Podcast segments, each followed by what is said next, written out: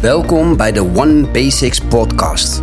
Iedere aflevering bespreek ik een les uit de One Basics studiegids. Mocht je de gids nog niet hebben, ga dan snel naar onze website www.johantoet.com webshop.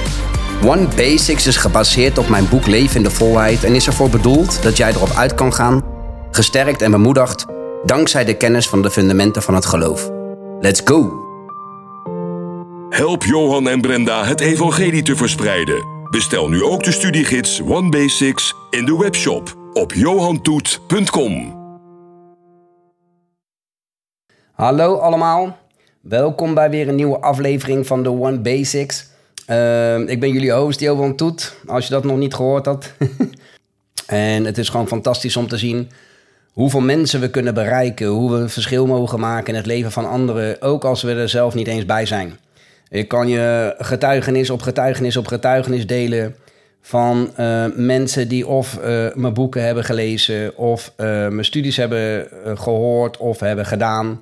Ehm, het zij door social media, het zij door bij een studiegroepje aangesloten te zijn, of ehm, nou ja, op wat voor middelen er dan ook allemaal zijn om dat evangelie naar buiten te brengen. Maar dat zijn gewoon mensen die tot geloof gekomen zijn. Mensen die bevrijd zijn. Mensen die genezen zijn. Mensen die getransformeerd zijn. Huwelijken die hersteld zijn. Mensen die financieel in de voorspoed zijn gekomen. Uh, doorbraken, openbaringen en ga zo maar door. Gewoon mensenlevens gewoon veranderd. Voor altijd veranderd en nooit meer hetzelfde alleen maar omdat die materialen allemaal beschikbaar zijn. Alleen maar omdat die boeken allemaal gratis verkrijgbaar zijn. En dat de studies gewoon gratis zijn. En alles wat we gewoon overal plaatsen. En uh, soms dan uh, onderschatten we, denk ik, de impact die, uh, wat zoiets kan hebben. Want het is gewoon ongelooflijk. Uh, je bent er zelf niet bij. Hè? En ik, je zou bijna kunnen zeggen: op het moment dat wij liggen te slapen, worden de mensen bemoedigd, worden de mensen opgebouwd, komen de mensen tot geloof en gaan zo maar door. Worden de mensen genezen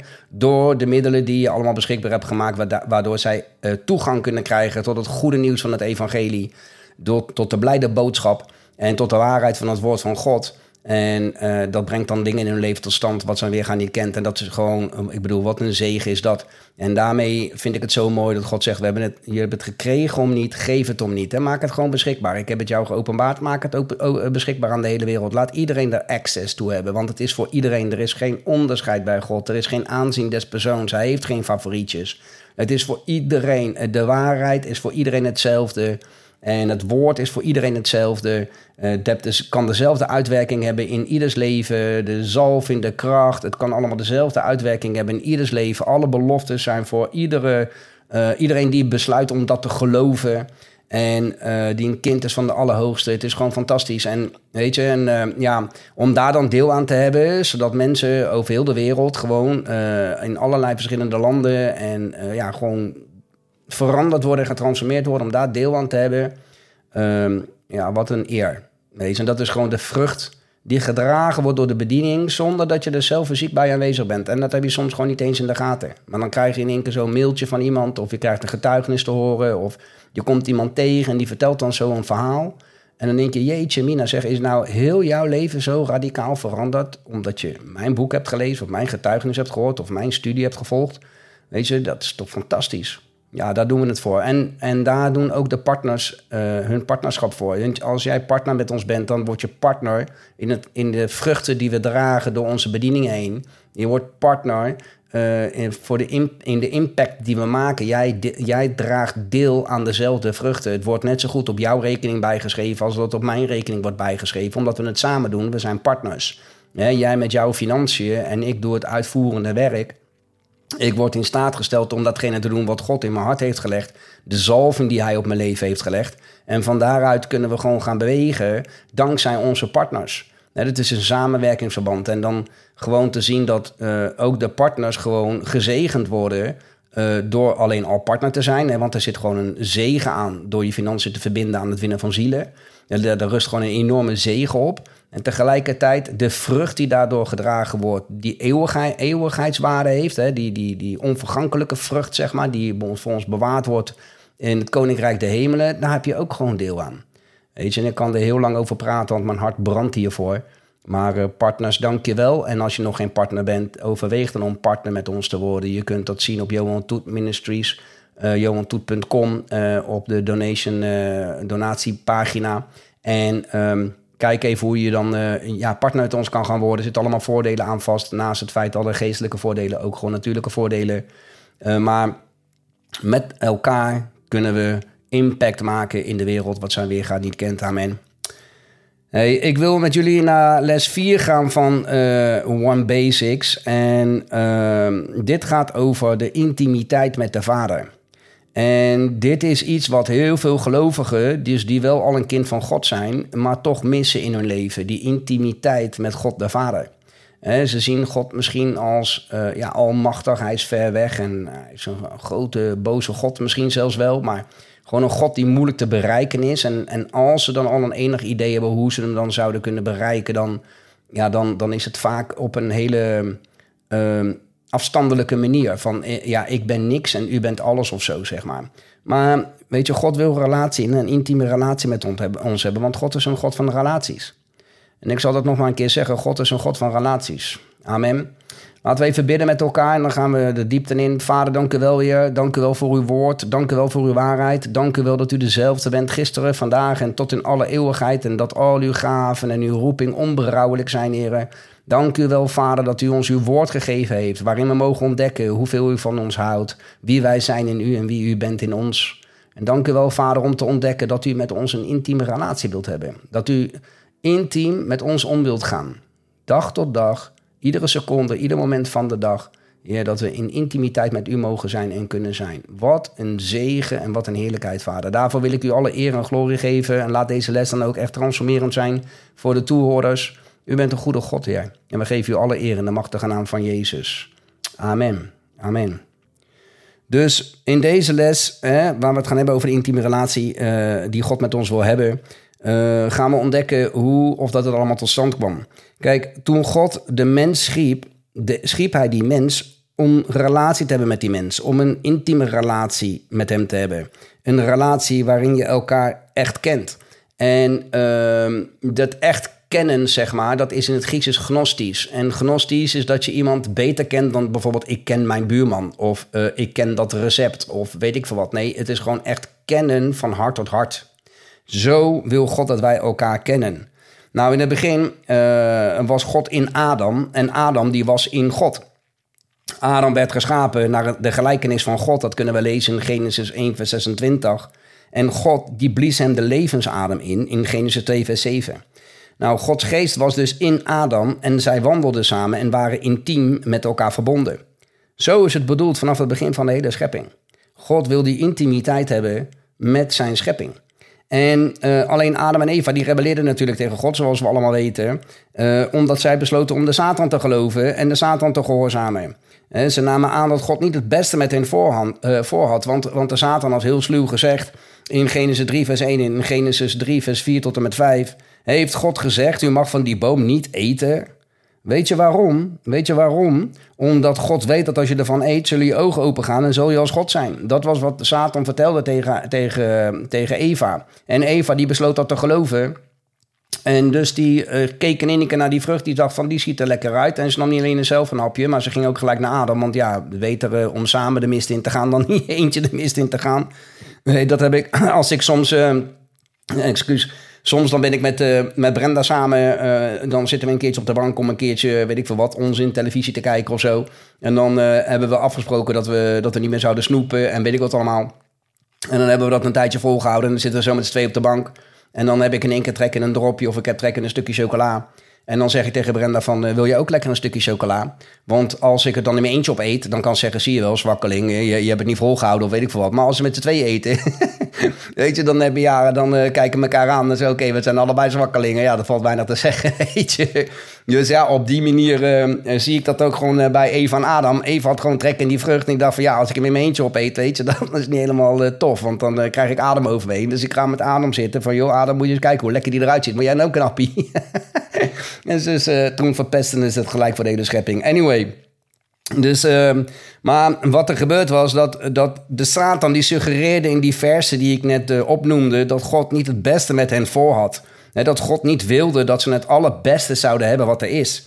En zij realiseerden zich niet dat zij in feite al als God waren en alles al hadden wat ze maar nodig hadden in het leven. Ze realiseerden niet dat God al in alles had voorzien. Dat alles al geregeld was, dat alles al voorzien was. Alles was zo helemaal kant en klaar voor ze. Ik bedoel, God schiep eerst de hemel en de aarde en toen pas schiep hij de mens.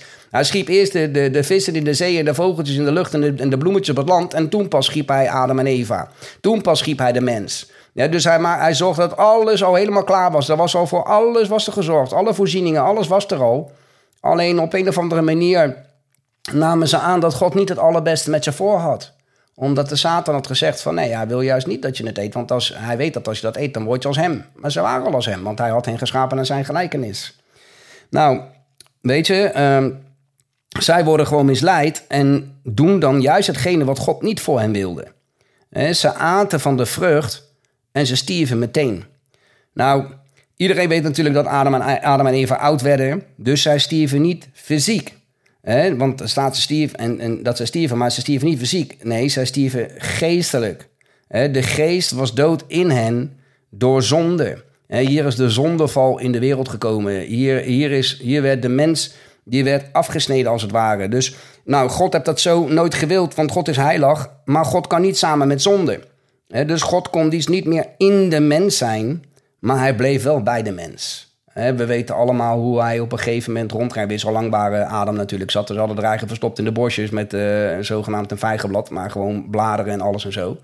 Weet je, en God die zei van, uh, waar ben je? Weet je, ja, ik ben hier. Uh, ik heb me verstopt, want ik schaamde me omdat ik naakt was. Wie heb je verteld dat je naakt was? Weet je, dus, maar God is niet gelijk weggegaan of heeft gelijk een grote afstand genomen. Als nee, alleen God kon niet meer in hen zijn. Dus dat is wel belangrijk om te weten dat God niet meer in de mens kon zijn. Nou, mensen die denken vaak dat God boos is op ons door de zonde en dat hij ons wil straffen. Zo, zo wordt het Oude Testament gelezen en, en zo wordt de wet voor gelezen en ze halen al die dingen aan, weet je, en dan, en dan, en dan als andere mensen dan dat horen, denken ze zo: God is echt toornig, weet je. God is een boze, een boze God. Maar alles wat God deed in het Oude Testament, dat deed hij uit liefde. Ik bedoel, de mensen waren compleet in zonde. Maar er was geen wet. Dus de mensen wisten niet hoe dat tegen de wil van God inging. hun zonde werden ze niet toegerekend omdat er geen wet was. dus, dus er staat ook van daar waar, geen, daar waar geen wet is, is er ook geen overtreding dus als jij niet weet dat iets fout is, dan, uh, ja, dan kan dus je ook niet aangerekend worden, om het maar zo te zeggen. Dus zij, zij hadden geen wet, zij hadden geen maatstaven. Ja, ze gingen zich aan elkaar meten. Ik bedoel, het verhaal kunnen we van, uh, van Cain en Abel. Nou, Cain die ging weg voor het aangezicht van God, maar hij werd niet omgebracht terwijl hij zijn broer had vermoord. dus, dus hij werd niet gestraft door God. Hij ging zelf weg van, van het aangezicht van God. Kreeg, kreeg dan een, vervolgens een stempel, een, een merkteken. En dan, uh, en dan heb je Lamech. En Lamech is degene die uh, zeg maar uit hem voort is gekomen. En Lamech had uh, twee mensen vermoord om een bepaalde reden. De ene omdat hij vanwege stream en de andere was het voor iets anders. Dat, ik zo even niet uit mijn hoofd weet. Maar had twee mensen omgebracht waarvan, waarvan hij vond dat hij er een, een goede reden voor had om dat te doen. En dan zegt hij vervolgens tegen zijn vrouwen: luister, uh, die werd, die werd al beschermd door God. Uh, vanwege een moord die hij nooit had mogen plegen. Want zijn broer had helemaal niks gedaan. Maar ik heb, uh, ik heb twee moorden gepleegd waarvan ik uh, gewoon wel weet dat ik een goede reden ervoor had. Dus als God Kane al beschermde, hoeveel te meer zal hij mij wel niet beschermen? Hoe vaak, hoeveel, hoeveel te meer zal hij mij dan wel niet wreken? Dus ze gingen zich aan elkaar lopen meten om te zien wat hun staat was, zeg maar. Maar er was helemaal geen wet en er was helemaal geen overtreding. Dus het was, het was gewoon helemaal niet in te schatten van mensen of iets goed of slecht was. En ehm, nou, de mensen realiseerden zich daar dus ook niet uh, door hoe ongelooflijk slecht ze er eigenlijk aan toe waren en hoe verloren ze waren in de duisternis. Nou, toen kwam God, die kwam toen met Mozes en met de wet. en de wet kwam uiteindelijk om kaders aan te geven, zodat mensen zich bewust zouden worden van hun ellendige staat en dat zij een verlosser nodig hadden. De wet die bracht als het ware de zonde in ons naar boven. Het, het wakkerde als het ware de zonde aan. En er zijn veel bijbelteksten over aantalen, maar we gaan nog uh, dit soort uh, thema's gaan we nog behandelen. Dus daar zal ik nu verder niet ingaan. Maar de, de wet die bracht die zonde in ons naar boven. Nou, Paulus schrijft in uh, Romeinen 7, vers 13 schrijft hij over de wet. Is dan het goede de oorzaak van mijn dood geworden? Volstrekt niet.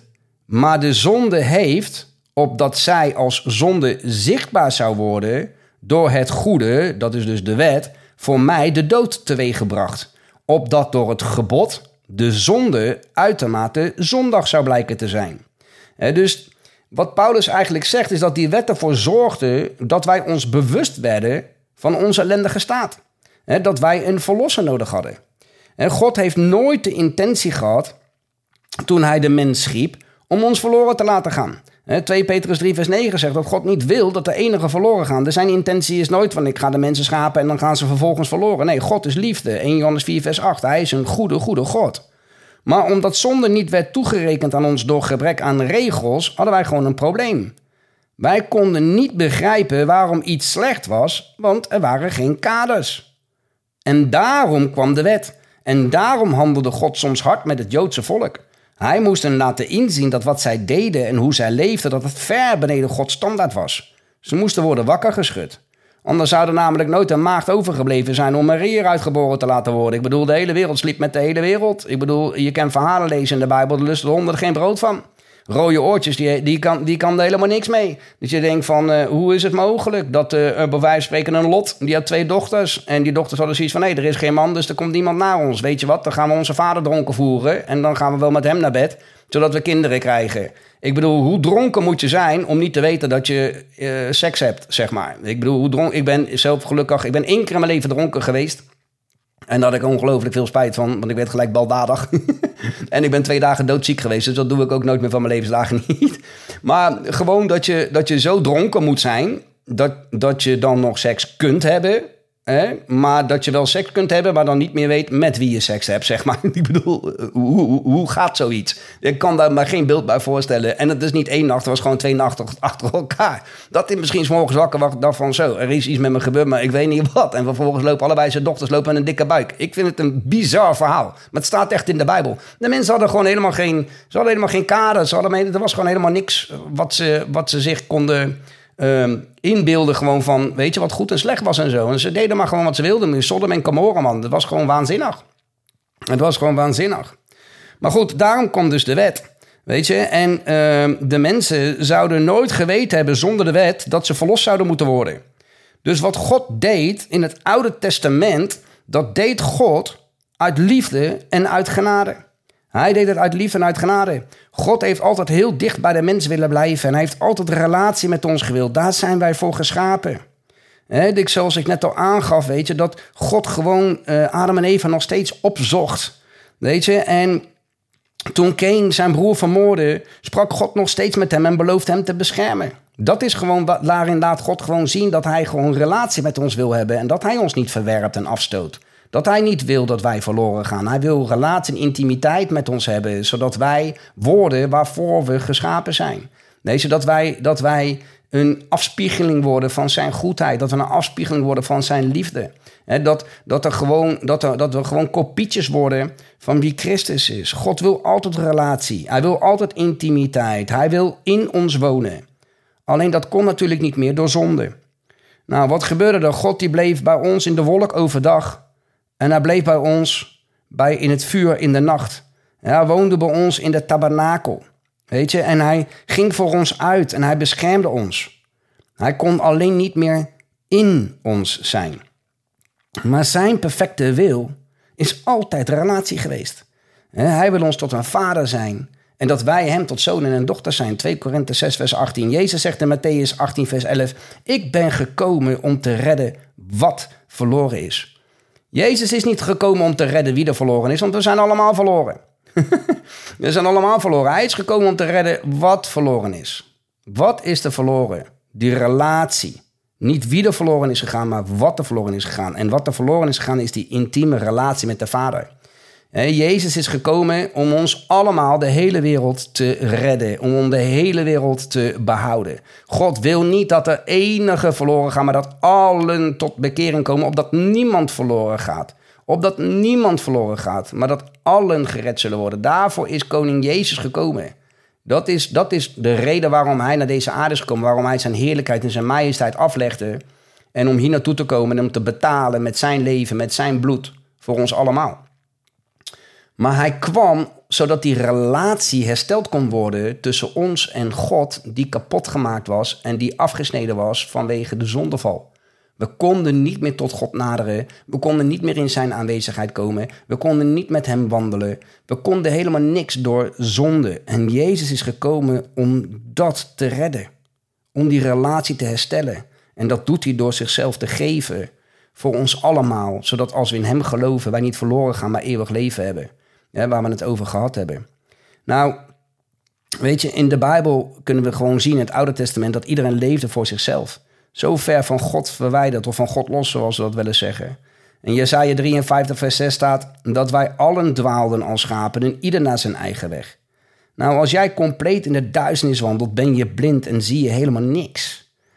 Jezus zegt in Johannes 12 vers 46, ik ben een licht in de wereld gekomen, opdat een ieder die in mij gelooft, niet in de duisternis blijft. De wet liet ons zien hoe erg we er in feite eh, aan toe waren om in de duisternis waren. Dat is liefde, dat is genade.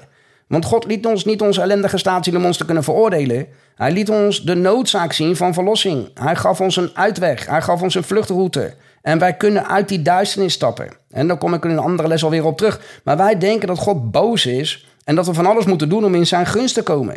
Dat we alleen maar een relatie met God kunnen hebben als we alles perfect doen in ons leven. Religie leert ons dat als wij ons aan Gods wet, dat wij ons aan Gods wet moeten houden om zo misschien vergeving te kunnen ontvangen, maar niets is minder waar. Het is niet zo dat je eerst perfect moet zijn en dat God je dan pas kan verlossen, zoals religie dat ons wil leren. De Bijbel zegt in Romeinen 5, vers 8 dat terwijl wij nog zondaars waren, Jezus voor ons gestorven is dus hierin is de liefde van de Vader volmaakt geworden, weet je. Hierin wordt de liefde van God voor ons bevestigd dat Christus voor ons gestorven is toen wij nog zondaren waren. Hij gaf zijn enige zoon toen jij en ik nog in de diepe duisternis leefden. Toen wij helemaal niks van hem wilden weten, gaf hij ons zijn enige zoon. Hij gaf het meest kostbare bezit dat hij had. Deed hij dit omdat hij zo boos op ons is en zo teleurgesteld om ons eigenlijk het liefste wil straffen en verloren wil laten gaan? Nee, dit getuigt van zijn liefde. 1 Johannes 3, vers 1 zegt: Zie hoe groot is de liefde die de Vader ons gegeven heeft, dat wij nu kinderen van God genoemd worden. God had de wereld zo lief dat hij zijn enige zoon gaf. Hij gaf ons zijn alles, terwijl wij niks van hem wilden weten en compleet en openloos verloren waren en dwaalden als schapen, ieder naar zijn eigen weg. Maar toch gaf hij zijn zoon evenwel. Dat is zijn ware aard. Dat is wie hij is. Hij is een geweldige, fantastische, liefdevolle, genadige, barmhartige, zorgzame, zegende, genezende, bevrijdende, beschermende God en Vader. Halleluja. En hij houdt van ons en hij wil relatie met ons. Dat is de reden van alles, lieve mensen. Dat is de reden van alles. Weet je, God is niet ver weg. Hij is heel dichtbij. Hij straft niet. Hij vergeeft. Hij vervloekt niet. Hij zegent. Hij maakt niet ziek, hij geneest. Hij is geen toornige God, maar hij is een liefdevolle, liefdevolle vader. Hij is Abba. En hij wil alles, maar dan ook alles voor jou zijn. Als jij hem gewoon toelaat. Wij kunnen God leren kennen als vader. En wij kunnen een intieme relatie met hem, met hem hebben waarin hij in ons kan zijn en wij in hem kunnen zijn waarin jij hem echt mag leren kennen zoals hij echt is. Die onvoorwaardelijke, niet te bevatten, te hoog om te grijpen, agape liefde. Dat is wie God is. Zijn karakter is zo mooi. Zijn karakter is zo goed. Hij is zo puur. Hij is zo zuiver. Hij is zo onbevattelijk, niet te beschrijven goed. Mijn God is een God die in staat is om het onmogelijke te doen in ons leven. Om ons leven radicaal te transformeren. Eén woord van God kan jouw leven radicaal transformeren. Hij is zo goed. Al die leugens, al die, die dwalingen, al die valse doctrines, al die dwalingen en valse leren die gegeven worden, al die troep die er gepredikt is, al die onzin, die religie en theologieën en weet ik wel wat voor troep en bagger er allemaal is geuit over God en over wie Hij is. Mensen die bang zijn voor hem. Mensen die, die, die niet in zijn aanwezigheid durven te komen. Mensen die constant onder de veroordeling en de schaamte en de schuld zijn. Mensen die met een lang gezicht naar de kerk toe gaan. Rondlopen alsof ze gedoopt zijn in een bad met citroenzuur. Puur omdat ze de God verkondigd hebben gekregen. Die toornige, boze God die met bliksemschichten klaarstaat om, om je te straffen op het moment dat je een misstap gaat. Omdat ze, omdat ze leugen hebben gehoord, een dwaling hebben gehoord. Weet je, omdat ze geen goed beeld hebben van wie hij werkelijk is. Het is gewoon te triest voor woorden. Dat zijn onze broeders en onze zusters die geroofd worden van de waarheid, van een leven in vrijheid en een leven in overvloed en blijdschap en vreugde. Een leven waarin we God mogen kennen als papa en waarin Hij ons kent als zijn kinderen. Hoe ga je om met je kinderen en hoe gaan kinderen om met hun papa? Weet je, we hebben respect en we hebben ontzag, want Hij is God, maar Hij is ook papa. En we mogen gewoon bij Hem op schoot springen. We mogen gewoon bij Hem komen en zeggen: Hé hey, papa, hoe gaat het? We mogen gewoon bij Hem komen. Altijd. Man, weet je, hij is die onvoorwaardelijke agape liefde. Daarin, in God zo kennen, in zo gnostisch te hebben, daarin is het eeuwige leven wat we eerder hebben besproken. Daarin is het eeuwige leven, dat we hem zo kennen. Lieve broeder en zuster, wie je ook bent, waar je ook vandaan komt, wat je hebt gedaan en niet had moeten doen, en wat je niet hebt gedaan en wat je wel had moeten doen. God wil dat jij hem kent. Op een intieme manier.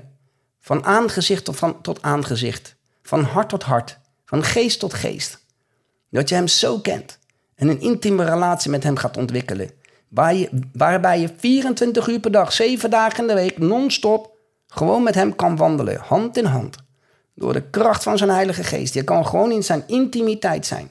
De hele dag door. Maakt niet uit waar je bent en wat je situatie is. God is dichtbij. Hij is bij jou. Hij is in jou. Hij is op jou. Hij is voor jou. En hij is nooit en ten tegen jou. Hij is een goede God. Amen. Ik hoop dat jullie gezegend zijn. Als je opmerkingen hebt of wat dan ook, stuur ze dan eventjes naar info.johantoet.com. En dan zullen de vragen die je hebt of opmerkingen. Misschien heb je getuigenissen, deel ze met ons. En dat helpt ons ook weer. Dat bemoedigt ons. En dan kunnen we weer delen met anderen, zodat anderen weer bemoedigd kunnen worden. Weet je, en uh, nou ja, ik hoop jullie weer volgende week te mogen verwelkomen bij een nieuwe aflevering van One Basics. God bless you. Stay safe. En we, we horen elkaar spoedig. Doeg! Wat geweldig dat jij luistert naar de One Basics podcast. Zijn deze afleveringen voor jou een bemoediging? Geef ons dan een positieve review. Zo wordt de podcast namelijk beter gevonden en kunnen we nog meer mensen bereiken. Alvast bedankt en tot de volgende keer.